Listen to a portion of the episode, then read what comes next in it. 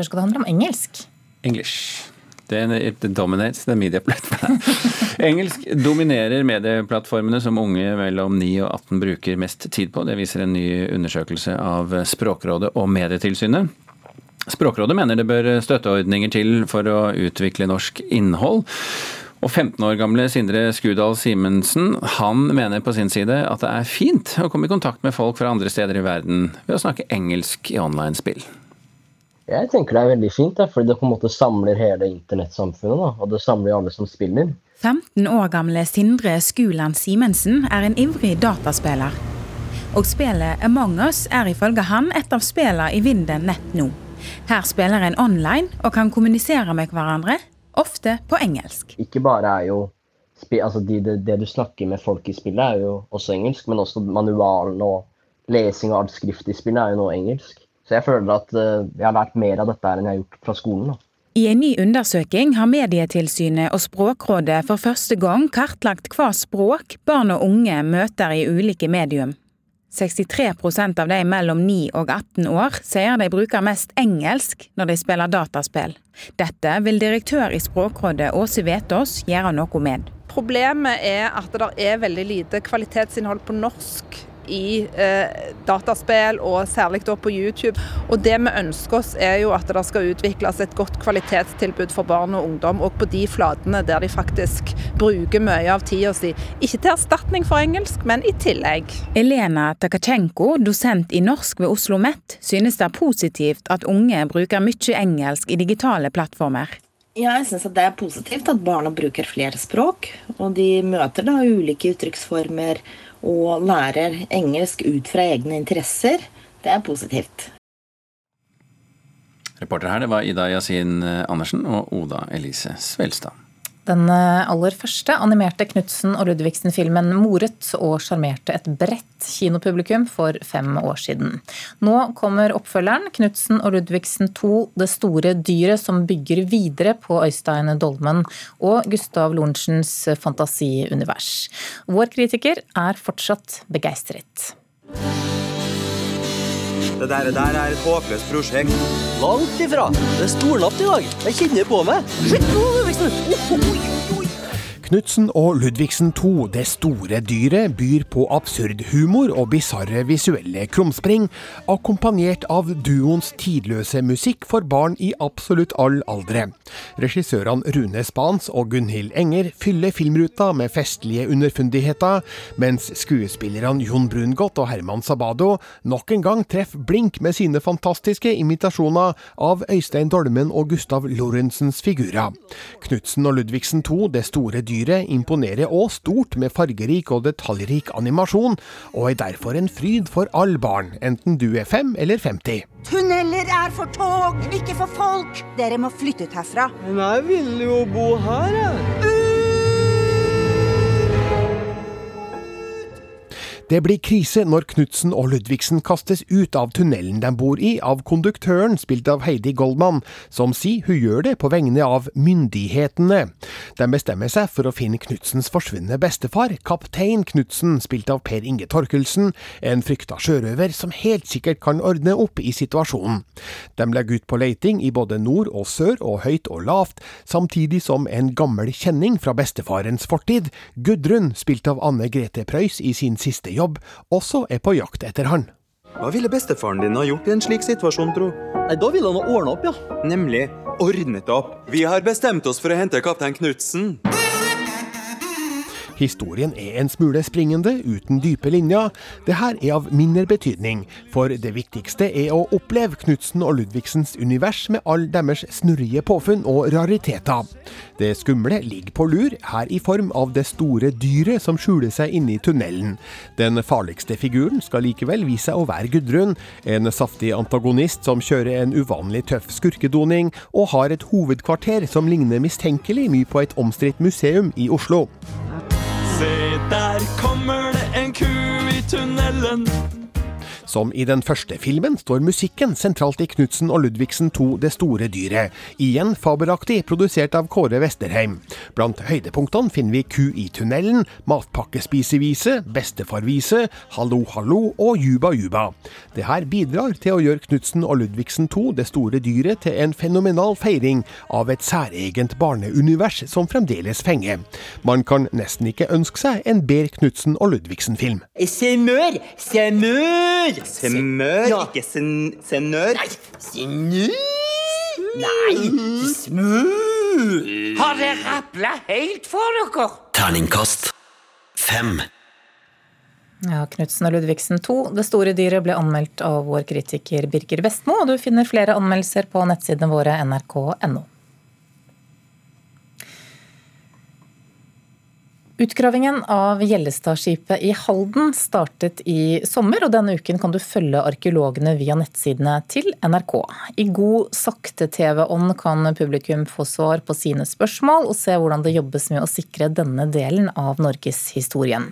Reporter Trond Øyvind Karterud, du er på plass. Det er mange som interesserer seg for denne utgravingen.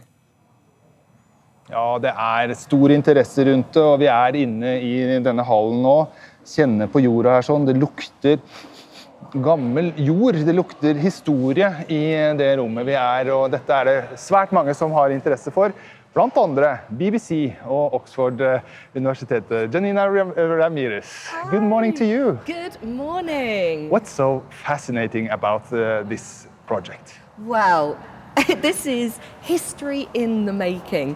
This ship that's slowly coming to life has been there for probably a thousand years, and we are the first people to see it in all that time.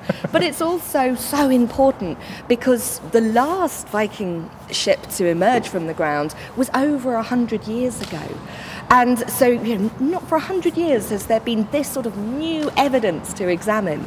Uh, you're very excited. I am so excited. Yeah. Well, you know, I, I study this for years and years and years, and you dream of something like this happening. Yeah. Thank you, and good luck with your documentary. Thank you. Yeah. BBC skal altså lage en dokumentar om eh, utgravinga her på eh, Gjellestad, og det graves jo, som vi ser. Eh, Camilla Venn, du er eh, venn med både fortiden og nåtiden, regner jeg med. Absolutt, absolutt. Hva er det dere finner her akkurat nå? Du, akkurat nå så er vi på vei ned i den sørlige enden av skipet og prøver å forstå hva som skjer. For vi vet at vi har eh, bordganger og et ordentlig skip her sånn, men det er veldig veldig utvasket. Men det vi finner er f.eks. sånn som her sånn. Vi har fått spørsmål om hvorfor vi har så mye plass ute i feltet, og det er for at vi prøver å beskytte det vi finner. Ja. Her Det- sånn ser vi en litt sånn rødbrun klump, og det er rest av en skipsnagle som da har holdt sammen to bordganger. Når vi finner dem sånn i rekker som vi har her sånn, Da skjønner dere litt hvordan dette her Ja, eh, da- henger sammen? ja, det er det vi, vi gjør. Ja. Eh, og så prøve å forstå hvordan, altså om skipet ligger sånn som det har ligget, eller om det kanskje faktisk har kollapset litt utover disse bordgangene.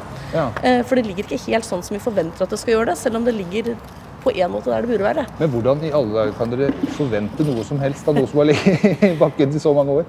Nei, altså det, Vi ser jo liksom på de skipene vi har, eh, så vet vi noe om vi, hvordan vi skal forvente at bordgangene går oppover og beveger seg. Og så ligger de kanskje litt mer horisontalt enn det vi forventer, og da er det tydelig tegn på at noe har kollapset litt underveis. Og det er jo ikke noe overraskende som sådant. Nei. Det måtte ha ligget en svær gravhaug på toppen her også og pressa på.